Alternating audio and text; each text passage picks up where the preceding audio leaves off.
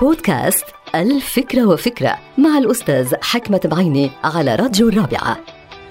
التغيير لا يتم دائما من خلال الصدفة كما يعتقد البعض بل هو نتيجة أفكار وأفعال متراكمة ولفترات زمنية مختلفة. فهل من الحكمة أنه نعمل على التغيير المفاجئ والسريع أو نتأنى بعملية التغيير؟ هل نترك التغيير يأخذ مداه ولا نتدخل لا بالسرعة ولا بالمفاجأة؟ أو نحن نكون الدافع وراء التغيير لأسباب شخصية أو مهنية أو تجارية أو حتى وطنية.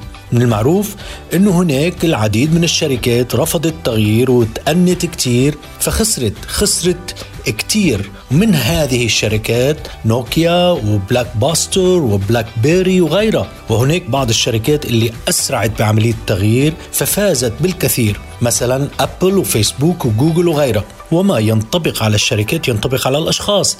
فلا ترفض التغيير بل تعامل معه بحكمة. والحكمة هون بتقول تارة بالتأني والحذر وتارة بالسرعة والجرأة. إنها حكمة التغيير ولا يعرف استخدام هذه الحكمة إلا الحكماء الذين يقدرون كل موقف بحكمة ويتخذون القرار المناسب بحكمة.